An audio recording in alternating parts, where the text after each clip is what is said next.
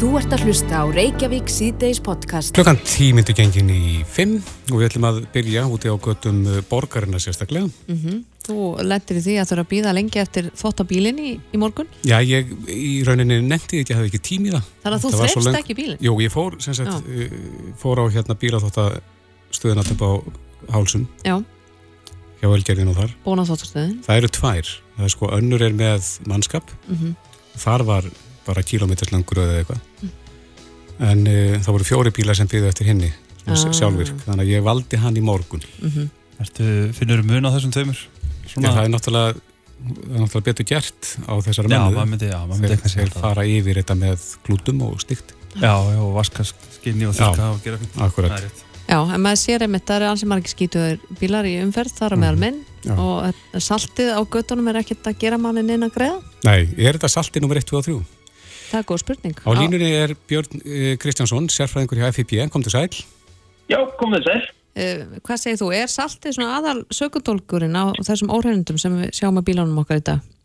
Já, það virðist vera að, að taka fyrsta setið núna að minnst kostum þessar stundir. Mm -hmm. að það er búið að vera mikið um að hérna, það þurft að salta á mótnana og, hérna, og voru þurft í veðri. Þannig að þetta er, þetta er að hérna, ég myndi segja að þetta er svona eiginlega megin ástæðan fyrir því að það er allir bílar högdrullir. Mm -hmm. En það hefur verið þurft og það hefur líka verið frost en samt hefur hafa gödurna verið blöytar að hluta til. Er það saltið? Næ, næri vatni ekki að frjósa? Nei, það er með það að sko að uh, á næturnar þá, þá þjættist uh, rækin og, og, hérna, og það byrja að myndast ísing á gödunum. Mm -hmm. Saltið er heldur hérna, komið á til þess að leysa ísinguna upp og síðan hefur verið að detta svo aftur sko, uh, úr, sko í hita yfir miðjan daginn og þá situr bleitan eftir í hérna á göttunum mm. og, og það er það sem er að, er að hérna, auðsast svo upp aftur. Mm. En Björn, um, mm. mér, mér hillir við að býða í svona löngum bíla þóttaröðum um, en þar maður að uh, hafa hraðar hendur og þrýfa saltið af. af. Hvaða áhrif hefur saltið á til dæmis lakki á bílnum? Sko draumastaðinu þetta svo að þú getur skólað bílum eftir hverja bílferð. Því að, því að saltið, saltið þetta þegar það kemst sérstaklega í snertingu við játnið þá verða ákveðin efnakvörð og, og byrja þá að, að tærast stálið mm -hmm. og þetta er, þetta getur orðið alveg, þetta er bara mjög kvimleitt fyrir, fyrir okkur hérna sérstaklega í Íslandi að, að hérna, hvað þetta hefur mikil áhrif á, á hérna, endingu bílsins og þetta til dæmis er eitt af eitt af uh, stærstu máli sem við komum, fáum inn á borð hjá okkur í AFB er, eru sko ágreiningur um til dæmis tæringu í undirvagni og þegar það kemur að kaupa nótum bíl. Mm. Það er þegar það verður styrkleika missir mm. eftir að, út af tæringunni og, og, og það getur verið mjög erfitt að, að sjá þetta í, hérna, svona fyrir almennan kaupanda. En þú segir að tæringi verður á undirvagni, undirvagnin er ekki þrýnin þegar maður fer á svona bíláþóttastöður? Nei, það er einmitt þannig að í, svona, í einhverjum bílaflótastöðum er hann skólaður en það er auðvitað dýr skamt því að, því að þú ert komið með jafn mikið salt undir bílunum til nokkra kílometra mm -hmm. og það er svona hvetum að fólk til þess að, að bara sinna því að, að riðverja bílinn, undirvagnin á bílunum og, og svo er það líka það að fylgjast vel með yfirbyggingun á bílunum. Það er hérna það er orðið grátlegt hvað er um að sjá mikið af riðvandamöndum í, í þakki á bílum Mm. Tveggja og þryggjára gamli bílar eru, eru hérna, sem á öllum þú fær, það kemur steinkast á toppin og þá ekki með róð í lakkið. Mm -hmm. og þar nær vatn og salt að smegja sér undir lakkið. Svo frýs í öllu og, og þá þennst það út og sprengir upp meira af lakkinu. Og þetta, hérna, þetta er orðið þetta er eiginlega, já orðið verður alltaf verra og verra ef maður bregst ekki við þá til þess að hvort sem er að loka sárinu eða láta bara spröyta toppin á bifriðinni mm -hmm. En, en Björn, það er kannski ekki rauna eftir að fólk geti skólað af uh, bílnum eftir hverja einustu bílferð. En hvað er svona lámark á, á hver margra daga fresti ef þú gefur okkur það kannski? Það, er, það getur verið er, erfitt að segja um það sko en, en svo er það líka þannig að þegar þú skellir bílum gegnum bílaþóttastöð og það er kannski stefnir í 5-60 frosti við nóttina mm -hmm þá er það ekki, ekki heldur góð að, hérna, gott ástand þegar þú þarf að komast inn í bílinn morgun eftir. Það var hann fróðsum fastur? já, þá, þá getur hérna, þá allir geta gúmilistar og annað eins brosið í bílum og, og, og byrja að skemmast þegar maður rýfur upp burðina Mm og svo sé ég til ímis hérna, efni sem eru fyrirbyggjandi til þess að bera á gúmilist og annað en uh, sko en það er, uh, númer 1 og 3 kannski er bara að ná að kom, koma góðri bónhúð á bílinn í upphafi vetrar það er töluvert mikil hérna, uh, við fyrirbyggjandi fyrir lakkið og svo reyna þá að, að koma honum uh, já, reglulega þrýfan yfir, yfir hérna, vetratíman Já, kannski einu sinni í viku eða eitthvað svo leiðis. Já, ef, ef þú hefur tök á því þá er það bara frábært Já. að, að minnstu kost að ná að skóla af hann. Er verið að salta á mikið að, að þínum að því? Nei, sko það, ég var einmitt að fara aðeins yfir þetta og það virðist sko ekkert vera að vera óhóflin nótkun á salti. Þetta eru þetta, það er salta til þess að tryggja öryggi Mm og þá er má alveg spyrja því hvenar, hvað er of mikið og hvað er of lítið.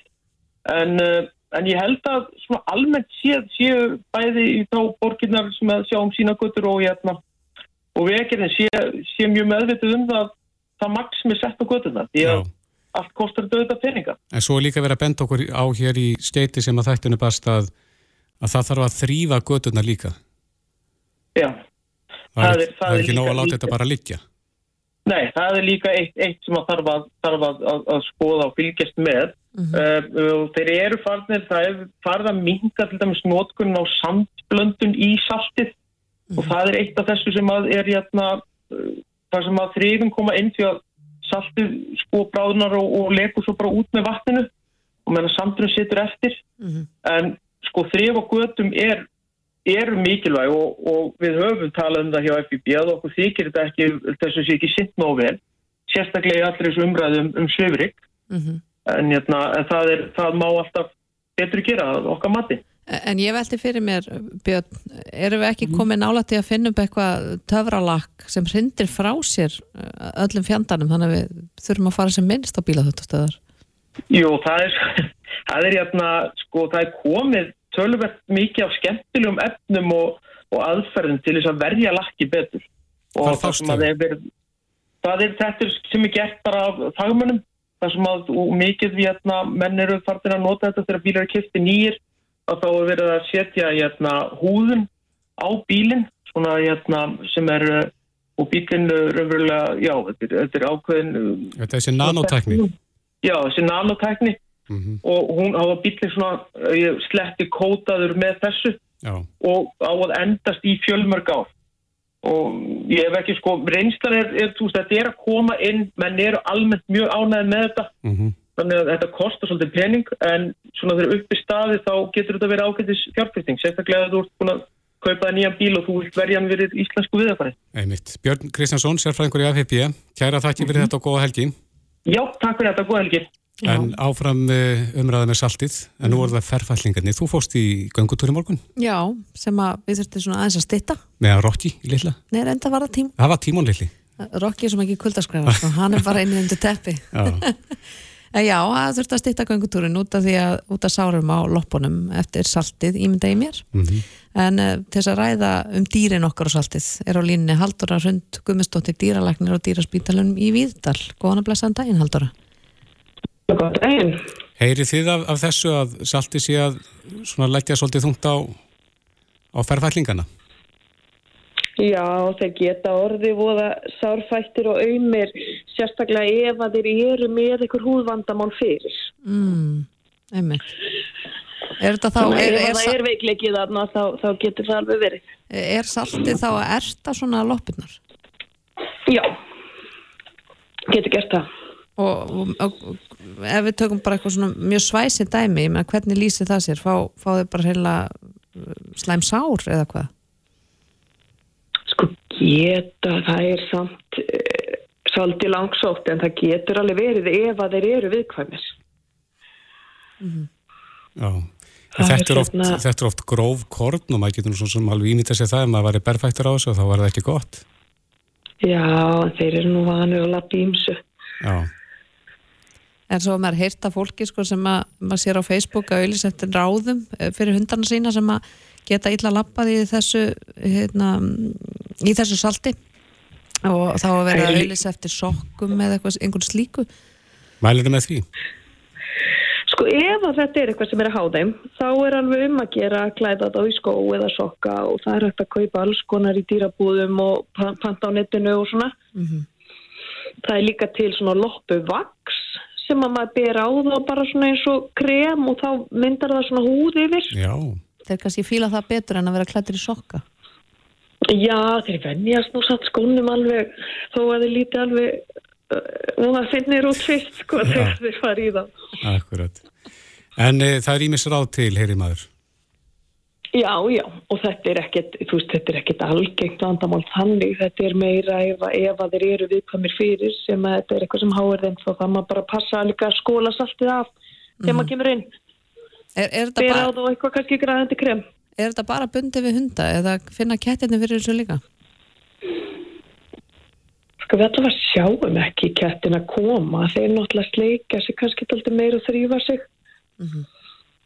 Það hérna eru meira upp á hlutum og svo leið sko. Já, þeir eru sjálfstæðari. Þannig að þeir, þannig þeir eru allavega ekki að koma hérna inn. Kettin er mikið út af þessu, það höfum við ekki séð. En það er nú gott að heyra að þetta sé ekki stort vandamál hjá hundægundum en Haldur á Hrund Guðmustóttir dýralæknir á dýraspítalan við Víðidal. Kæra þakki fyrir þetta. Já, ekki málið. Og hér eftir skamastund þá ætlum við aðeins að ræða hriðuverkamálið. Jón Þór Ólason, lagmaður og sérfræðingur í refsirétt allar að kíkja til okkar. Já, Þú ert að hlusta á Reykjavík síðdeis podcast. Jæja, ein af fréttum dagsins í dag eh, fjallar um hriðuverkamálið svo kallaða. jú, það eru þetta er svona tímamóta ákjærur sem voru gefnar út fyrsta sinn sem er ákjært fyrir tilrönd til hriðiverks á Íslandi Já, akkurat. Jón Þór Ólason, Ólason, uh, lagmaður og sérfræðingur í refsirétti er komið til okkar, velkomin. Já, takk fyrir.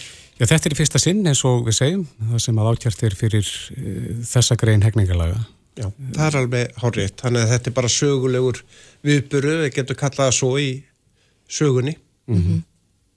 og eh, sko við hefum kannski ekki fengið að sjá ákjæruna en Já. við lesum þá fréttum að þetta eru tveir einstaklingar, annar þeirra er ákjærður fyrir tilrönd til hriðiverka og hinn fyrir hlutdeild í tilröndinni getur, getur maður einfalda þetta? Hvað er þeir nákvæmlega ákjærður fyrir?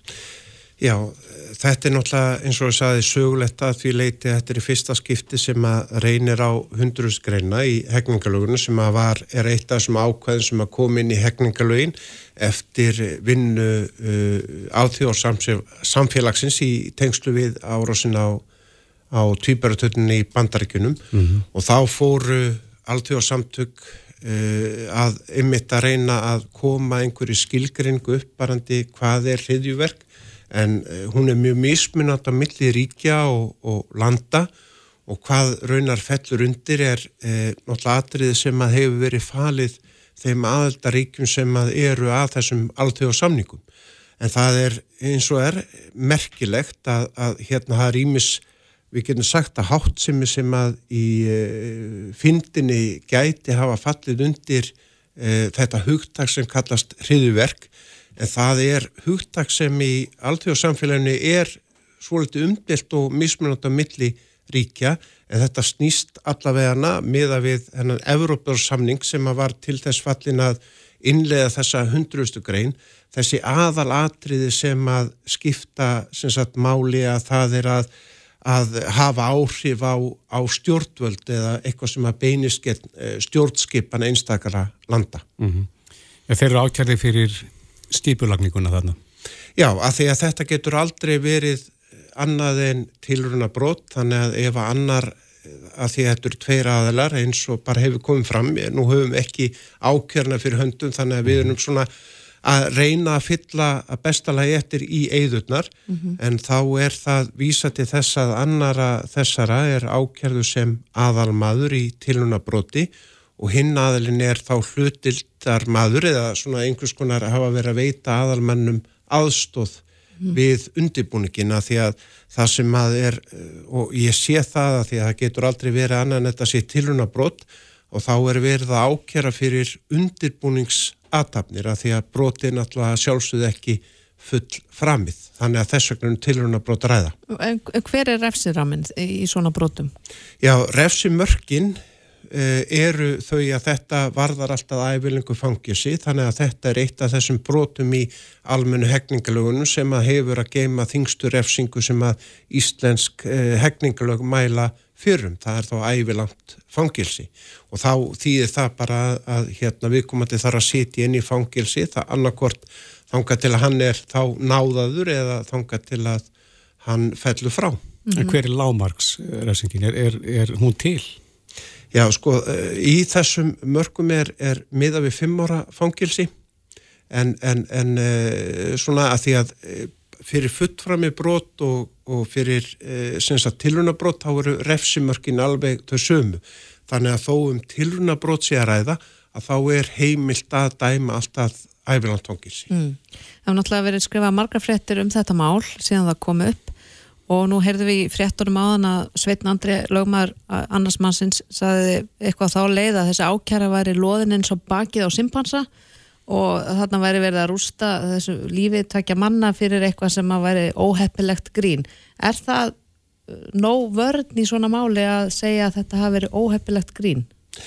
Eh, það er náttúrulega til margir dómar þar sem að menn hafa borið það fyrir sig að um hafi verið að ræða grín og það er, bara svo ég vísi til þess, það er gamal hæstara eftir dómur til frá 1941 þar sem að það var íslenskur aðli sem að var ákjærðu fyrir það að hafa reyndað ná tveimur skipverjum á bresku skipi til þess að sprengja upp skipið og uh, hann var semst ákjærður uh, þá raunar það er fyrir almannhættu brot og þess áttar mm. en þá var þetta ákjæðum hriðjuverk ekki komið til og uh, eins og málinn lágu fyrir að þá var að síknar á þeim grundvelli hann hefði ekki haft ásetning til verksins heldur að um hafi ræða drikkjuraus að því að hann hefði verið ölvaður.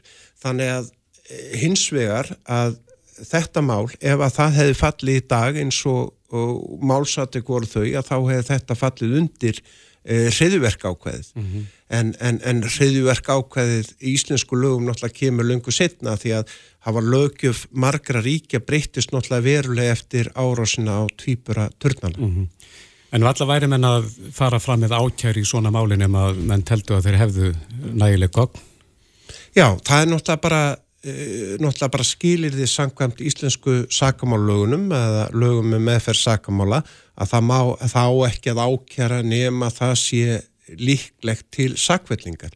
Mm. Þannig að ákjæravaldið hefur metið það svo að málsatvík og málsgögn og þau sönnugögn sem að þeir hafa fyrir hendi sé þess eðlis að það sé líklegt til sakvellingar. Mm. En við náttúrulega eins og þið nefni við höfum ekki ákjörna, við höfum ekki aðgangað skjölum álsins og það sem við erum raunar að draga álíktaðinir af eru umfjallanir í fjölmjölum og frettamannafundum og, og, og þess áttar. En þetta er náttúrulega eins og að segja, sko, þetta er ákveðin tímamóti íslenskri refsi rétt að sögu alltaf þegar reynir á raunar nýtt mm -hmm. eh, brot sem er mælt fyrir um í hegninglum. Og engin fordæmi. Nei, nei, í rauninni þannig er ekki eh, fordæmi vegna þess að það er náttúrulega tilgreint í, eh, sko e, eins og ég nefndi á þann að þá er skilgreiningin á hriðiverka hugtakinu sem er að finna núna í hundrustu grein hegninglæna, hún er oft mismunandi eftir ríkjum og skilgreiningin er svo litið umdilt og e, verðum átt okkur því að, að lögjum margra ríkja þegar að kemur að þessu ákveða sem er sambarlegt hundruðsgreinni og þessum þeim alþjóðarsamningum eh, og breytingum alþjóðarsamningum sem voru settir meðal annars innan Evroparóðsins eh, tak, taka oft miða því ástandi sem að var þá til staðar þegar að þetta var sett. Eh, að því að ég kannski nefni það að, eh, árið 2001 þegar þessi árás á tvíbörðurinn átti sér meðal annar stað að þá var ég að vinna sérfræ, í sérfræðinganemnd á vegum Íslenska ríkisins hjá Örubaráðun og ég var í að fljúa frá Strasbourg til Íslands þegar að þessi árós átti sér stað. Og þegar ég lendi að þá byðu mín mörg skilabóð í eh, eh skilabóða skjóðinni sem er að finna á, á hérna e, sem sagt e, bara á símanum.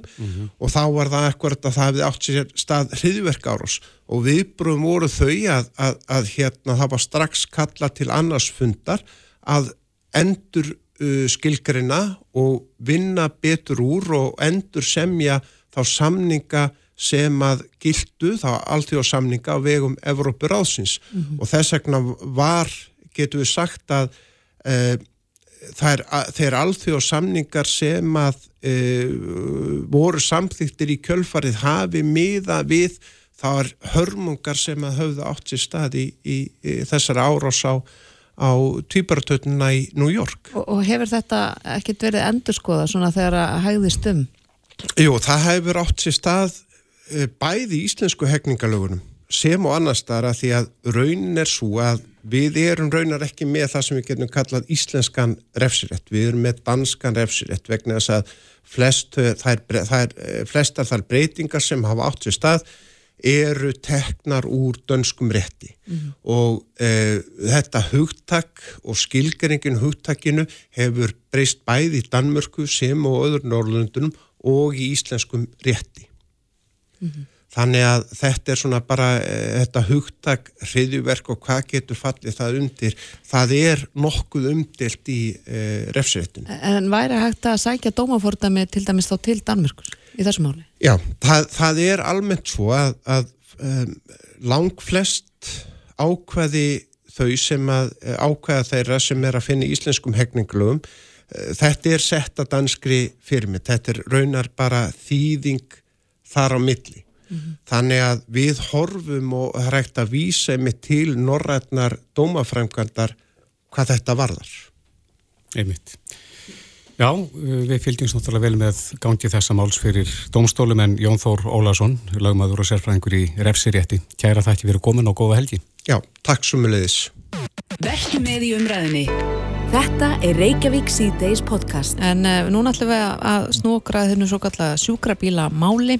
Eitt af þeim málum sem að koma upp í þessari viku sem að væti mikla aðtekli? Já, mjög mikla. Það sem að starfsmanni var vikið frá störfum fyrir að stunda kynlíf í sjúkrabifrið. Mm -hmm. Stundaði kynlíf á sínu vinnustaf og þetta var tekið upp og myndbandi lag á neti og mm -hmm. já, hann þarf að fara að finna sér aðra vinnu. Já, hann fannst við leitt og uh, vikið frá störfum eins og þú segir. En það er spurning hver réttur manna er þegar að svona mál koma upp. Ég veit ekki hvort það séu mörg sko fordæmi Nei, emmitt. Lára Vaf Júliusdóttir, sérfræðingur í vinnurétti, er á línunni. Góðan og blessaðan daginn. Já, góðan dag. Já, það er góð spurning hjá Kristófur. Eru mörg svona svipuð fordæmi eins og, eins og þetta mál? Ég man nú ekki eftir svona máli áður allavega í fjölmiðlum. Þetta eru mjög sérstök mál þegar það koma upp svona en, en alltaf svona áhugavert að velta því fyrir sér hver réttarstaða fólks er undir þessum kringustæðum. Mm -hmm. Er, er, er réttarstaðan alveg skýr eða er þetta einhvers konar matsatriði? Sko, uh, nú verð ég svo sem kannski að geta mér að einhverju liti til en það að þessi viðkomandi starfsmæður hafi verið uh, félagsmæður í landsambandi slökkulis og sjúkraflutningamanna og hann uh, heyri þá undir þann kjærasamning sem að um þau starf uh, gilda. Og það er kjærasamningur sem að hveður á um það að hann hefur eins konar réttastöðu ofbera starfsmanna, hann er starfsmann hjá sveitafélagi og uh, þá uh, er fjallað um það í tiltekinni grein í kjærasamningum 11.161 Það segir að starfsmanni skal vika á starfi fyrir að vara löst, verði hann uppvísa grófi broti í starfi en það valdi viðvera hans á vinnustad áframhaldandi skada fyrir starfsemina. Mm. Uh, aðra starfsmann eða viðskiptavinni. Uh, fulltrú að stjættafélag starfsmann skal veittur kostur á að kynna sér slík mál áður en ákvarðunni tekinn. Þetta, uh, ég gerir átt fyrir að, að, að það sé að þetta brot undir nákvæmlega þetta. Og uh, þá er hægt að vika námið starfi en áður en að því kemur að þá þarf að fylgja ákveðnu, uh, ákveðnum málsmeðferðarreglum. Og uh, það verður þá að gæta að andmælega eftir starfsmanns uh, áður en endalega ákvörðinu tekin en það er þetta uh, afstakka vinnuframlag og meðan svo er. Og ef að þessi konun leifir í ljós að þarna hafi verið um, um brotaræða að, uh, og hann nýtir andmælaréttin þá er hægt að vika hann úr starfi, ekki fyrr og hann heldur raunni launum þar til þessi málsmeðferð hefur átt í stað. Þetta er það sem gildur um, um, um slökkvilismenn um, miðan við þær fórsöndur sem ég gaf mér. Já. Ef þetta væri starfsmar á almennu vinnumarkaði að þá er það náttúrulega þannig að það eru ákveðna trúnaðarskildur sem að gilda á milli starfsmanns og, og atvinnureikanda og starfsmanni verður að, að uh, sína uh, ákveðna tillitsemi og, og, og aðgæslu það hvernig hann hafa sér inn á vinnustæðinum hvort sem hann er í vinnu eða ekki og ég gerir að fyrir að, að, að þessar mál, málsmeðferðarreglur þær kæmu ekki sérstaklega til álita á almennu markaði. Er þetta, þessi verknæðar að stunda kynlífa vinnustæði, er það brot á einhverjum eh, lögum eða? Sko, í, í sjálfum sér er, er það eitt og sér sko, svo framalega sem að, sem að það er ekki allra ásýnd og, og það er ekki bliðuna kent þeirra sem að, að næstatir eru, mm -hmm. að þá uh, má kannski um það deila hvort að það sem slikt sé, sé brot. Hins vegar ef að þeim, sko, það, ef að það er að ræða að það, það særi bliðuna kent einhverja í, í, í grendinni, að þá er það brota á almennum hefningalögum mm. og það þarf að, að, að gæta að, að því að fólk hægir sér ekki þannig hvað sem er á vinnustöðum eða í rauninni hvað sem er. En, en um, það, það, bara þannig að ég skiljiði rétt sko, þannig að ef að uh, tvær manneskjur um, stunda kynlefina vinnustöð bara með samþekki hvors annars og einhver til dæmis lappar inn á þau og finnst að sín bliðuna kent sér særið og kannski tilkynnar að þá í rauninni eru við komið einhvers konar borót Já mm -hmm. Og uh, það getur þá bara alveg verið að fara í ganga einhvers konar aðtugun á, á, á því og, og, og fólki sé þá já það sé mögulega ámynd eða, eða þess vegna vikið úr starfi. En þetta fer allt eftir því sko hvort þetta eru ofinberi starfsmenn eða hvort þetta er fólk á almennu vinnumarkaði eru og, og líka því hvort að, hvort að einhver kærir viðkomandi uh, til þess yfirmanns fyrir, fyrir brota á, á, á bliðunarsemi og þá erum við komin inn á þessu svo kalliði ekkomál. Það er að segja, uh, já, þetta sé áreitni eða, eða já, brjóti á velsæmi. Já, akkurat. En eh, svona miður við það sem við vitum um, um þetta mál og, og það sem að þú veist um þetta mál, áhansir eitthvað málspætur sem óbyrber stafsmæður? Nú skal ég ekki segja, ég veit ekki hver aðtök voru að þessu eða, eða neitt slíkt, hann, en hann hefur andmælarétt, hann getur komið að sínum uh, uh, málsástæðum og það geta verið málspætur þar inni, ég, ég bara tekki það ekki. Kanski svolítið skrítinspurning, en skiptir það einhverju máli hvort að þetta þessar aðtapnir að stunda kynlefni á vinnustad eh, hvort það er farið fram á vinnutíma eða utan vinnutíma er, er skipt það einhver málið?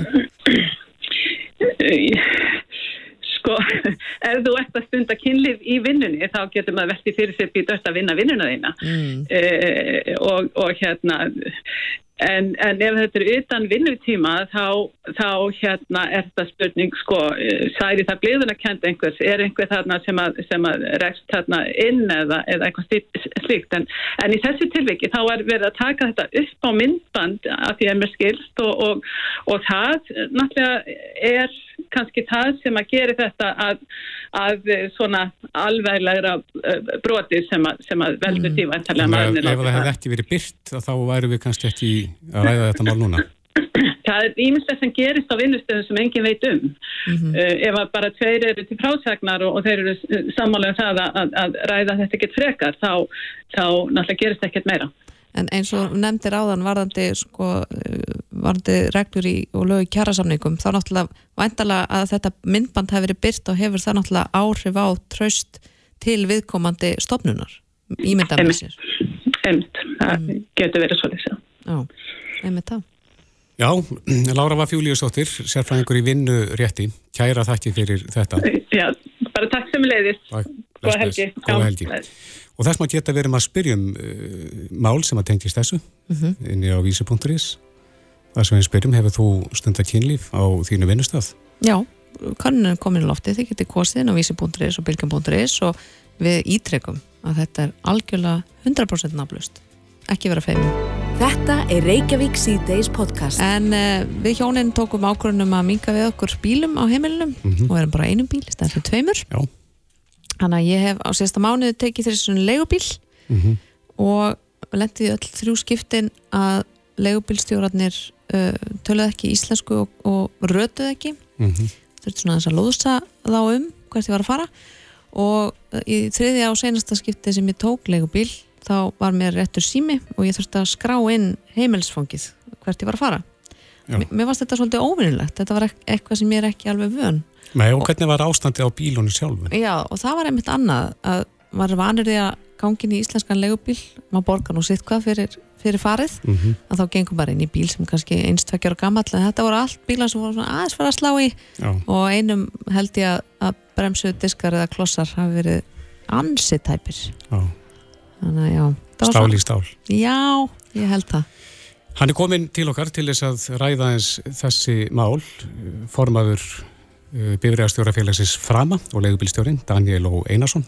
Velkomin. Takk fyrir. Já, hvernig verður við það því að nú hefur ykkar stolt veriðið með þetta og þegar þið talið gegn því að opna markaðin eins og fyrir Uber að þá talið þið mitt um öryggi bifræða og þjónustu stíð? Já, við hefum bent á það áður í okkar umsögnum um e, leigubíla frumverf mm -hmm. að, að þessi vinna er aðeins floknur erfið en fólk vil hugsa sér. Þannig að þarf að þetta þjónusta sem snýst um samskipti við fólk. Mm -hmm. Og þá þarf bílstjórn að geta skilið þekkja um hverju vel og, og skilið farþið af sund fólk talar óskýrt við þekkjum það. Og, og hann þarf að í þann stakk búin og við vitum það sem við verið sjálf í útlandum út af vinnuða námi þar sem við kannski ekki þekkt máli að við upplifum mikinn minnimátt að geta ekki tjáð okkur á því máli sem aðeins skilja.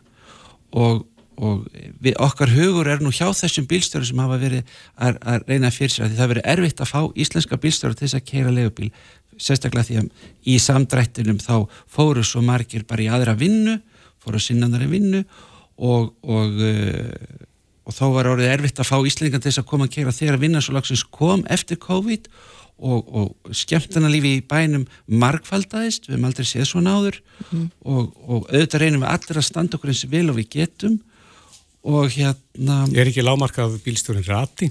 Jú, uh, það er kend rötun á námskeiðunum og, uh, og bílstjóra sem eru erlendir, þeir eru örgulega reyna að gera sitt besta því þeir hafa áhuga á þessu starf og vilja vinna við það en um, þeir sjálfsagt eru bæði, þetta er meira álag á þeim því þeir eru bæði að reyna að þóknast og ekki sagt, bregðast væntingum viðskiptavinarins mm -hmm. eða farþegans og pluss það að einbeita þessari umferðinu sem er mjög varasum og hugsa um bara um miðbæin þá er mjög erfitt fyrir okkur bílstöru að þjónusta miðbæin og skemmtistæðina að þetta er svo þröngt og, og, og götur eru lokaðar og einstefna og annað og fáir bílar komast yfir á umfæðaljósum að því fólk er alltaf að hlaupa yfir að renna sér yfir á hlaupahjólum mm -hmm. í vekk fyrir bílana þannig að mann er allan tíman með augun hjá sér og, og er mjög orðið þungfært að þjónusta miðbæin Já, það sem ég finnst sko, Já. mér er svo sem eh, skiptir mig ekki öllum áli hver kerir bílinn og ég þarf ekkert að hann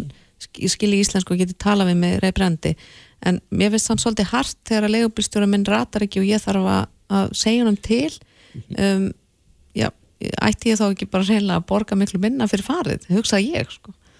Já, en, en við fáum þjónustu frá útlendingum og við, það er við að bara þjónustu að er einhver íslendingar í þjónustu störfum á Íslandi út af því að, að það er vantað mm -hmm.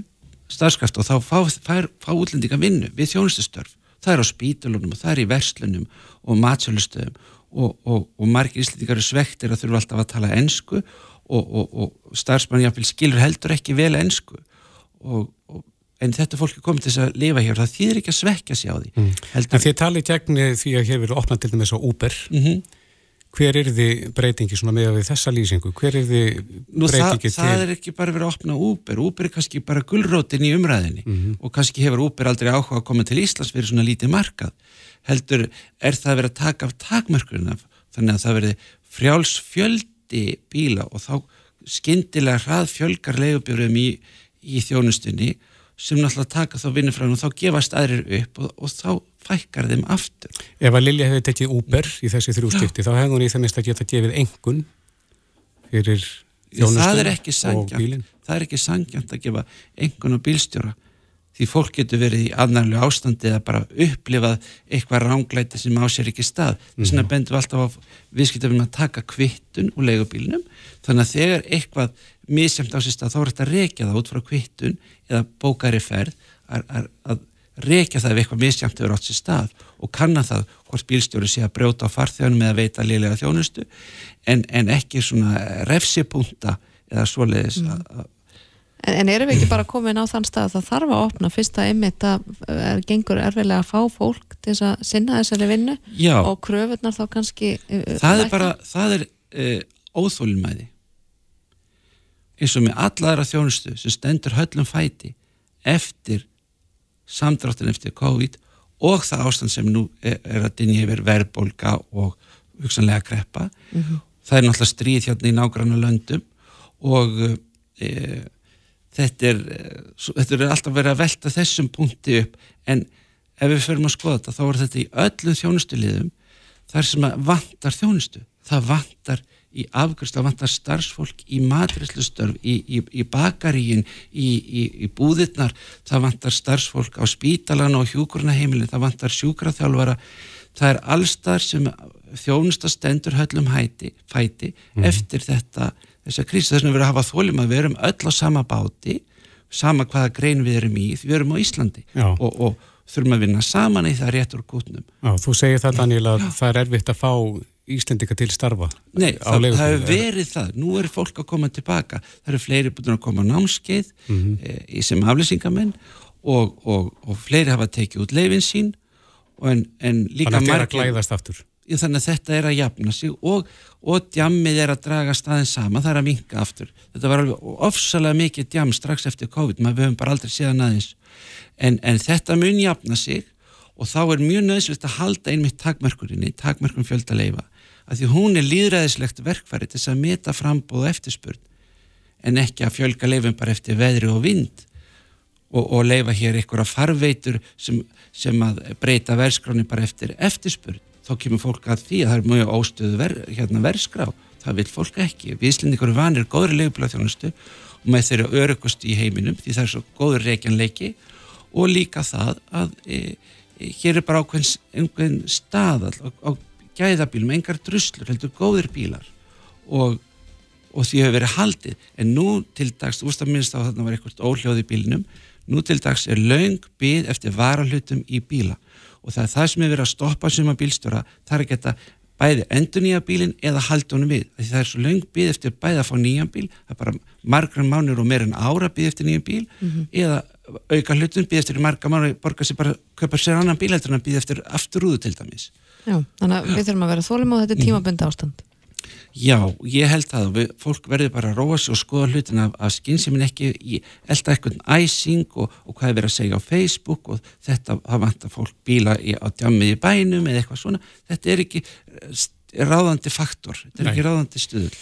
Verðum að setja punktin hér Daniel fyrir. og Einarsson, leigubílstjóri og formaður bifræðastjóra félagsins Frama Takk fyrir komin, Jú, ykkur góða að helgi þakka, takk.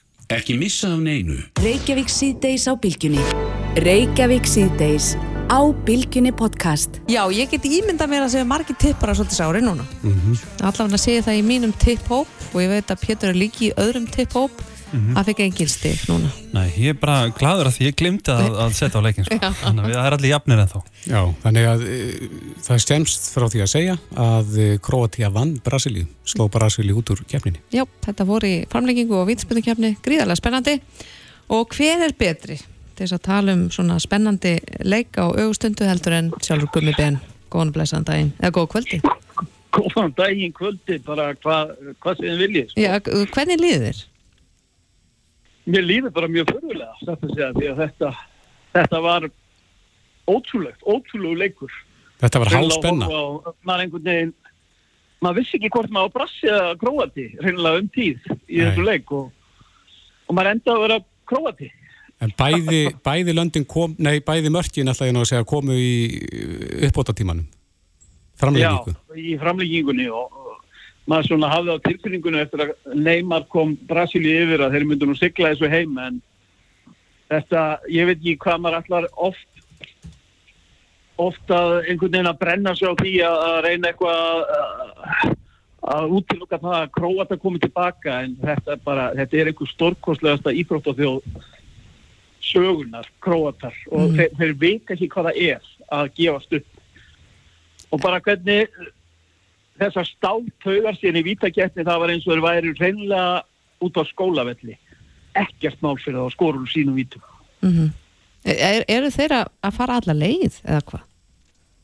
sko maður trúir því aldrei að þeir fari alla leið en þeir fóru alla leið í úslutaleikin síðast. Mm og þess vegna held ég að það sé algjör óþarfi að vera eitthvað að útiloka það að þeir fari reynlega alla leið í úslutaleik og, og ég er bara alla leið já, jafnvel því að þetta er með ólíkindum með sko 37 ára gamlan Luka Modric sem að er bara Mozart á miðjunni hjá þeim Mhm. og stjórnar þessu og síðan verður bara að segja eins og er að það, það mun engum leikmanni fyrir utan krótíska liði langa taka vítaspilna og Dominik Livakovic sem að verið fyrir að mastera það bara að verja vítaspilna Eða sko þetta er gríðalegu skellur fyrir Brasiliumenn út af því að má nú eiginlega segja þegar við nánast sko þeim var ætlað að fara í ústættuleikin og náttúrulega spá sigri af mörgum.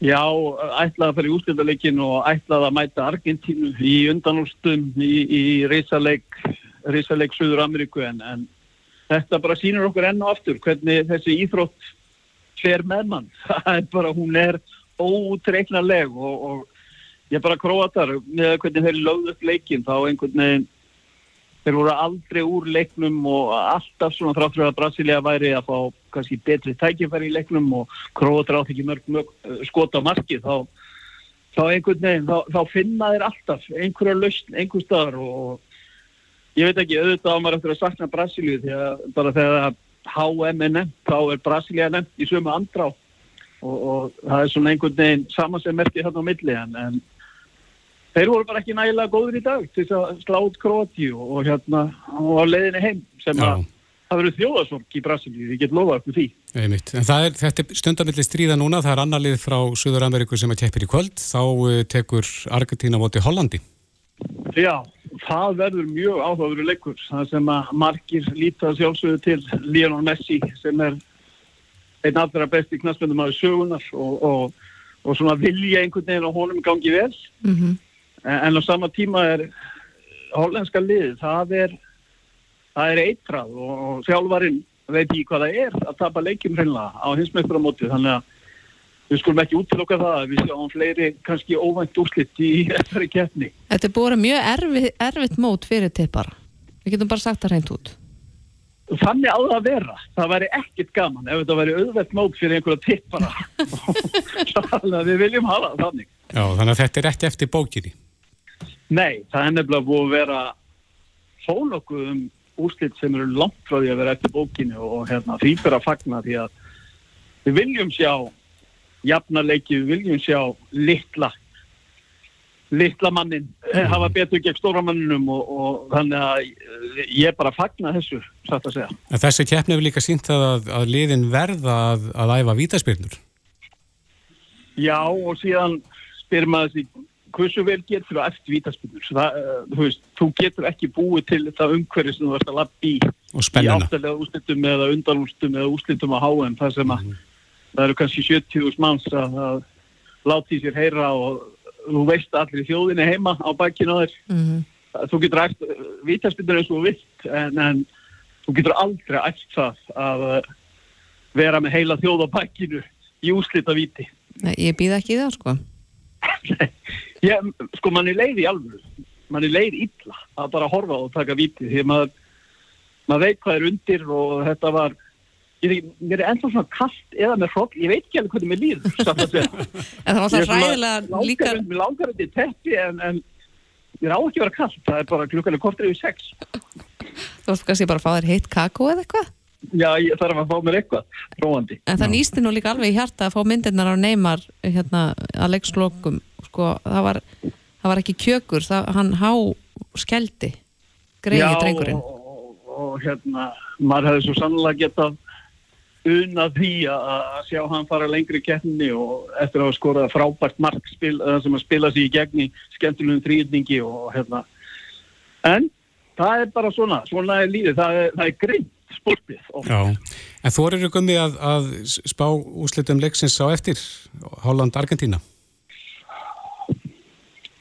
Ég, ég þóra alveg að spá, ég hef verið rámt fyrir mig bara, en, en það er ekkert fyrir því að gera. Ég, ég ætla einhvern veginn, það er bara svo fallegt einhvern veginn að, að Messi færi í úslitaleik og fengi tækifæri á að klára, klára hreinlega ferilinn og tala ekki um landslýsferilinn með heimsbeitartilli. Ég ætla að spá því að, að Messi skjóti uh, hollendinga úr keppni og eftir. Eh, Hvað vonar þá að Argentína vinna háum? Ég, sko, ég vona alveg að Frakland vinni, ég vona að Spátn myndi vinna, þeir eru farnir, ég vona alveg að Brasilia myndi vinna, Argentina ég get svo sannlega unna við það ef að þeir vinna kærnina. Já, en e, leikurinn eftir byrjar klukkan 7, eða ekki?